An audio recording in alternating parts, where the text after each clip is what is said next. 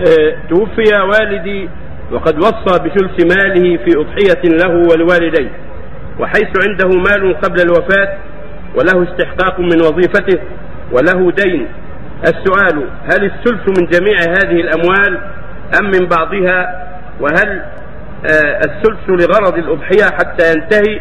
أو هل يمكن وضع بعضه في عمارة أو فرش بعض المساجد؟ الثلث يكون في جميع المال كان له أراضي أو ديون أو حقوق عند الدولة.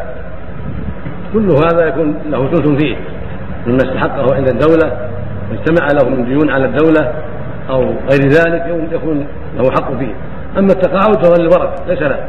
لكن إذا كان له ديون أو حقوق الدولة تعطيها إياه فهذا يدخل يدخل فيه الثلث هكذا عند الناس. هكذا الدية لو مات قتيلا مبعوثا فالدية يخرج منها الثلث أيضا. فالثلث يكون من جميع ما يستحقه ويورث عنه.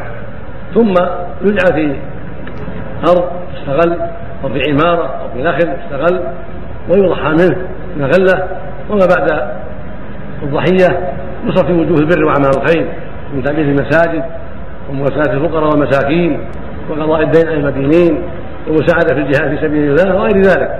إلا إذا كان عين شيئا بعد الأضحية إذا كان الباقي بعد الأضحية يصرف في فقراء الذرية في فقراء المسلمين في تأمين المساجد يعمل بما قال وإذا سكت فالفاضل بعد الأضحية يصرف في وجوه البر وأعمال الخير كلها وإذا كان في أقاربه وذريته فقراء يعطوا من ذلك.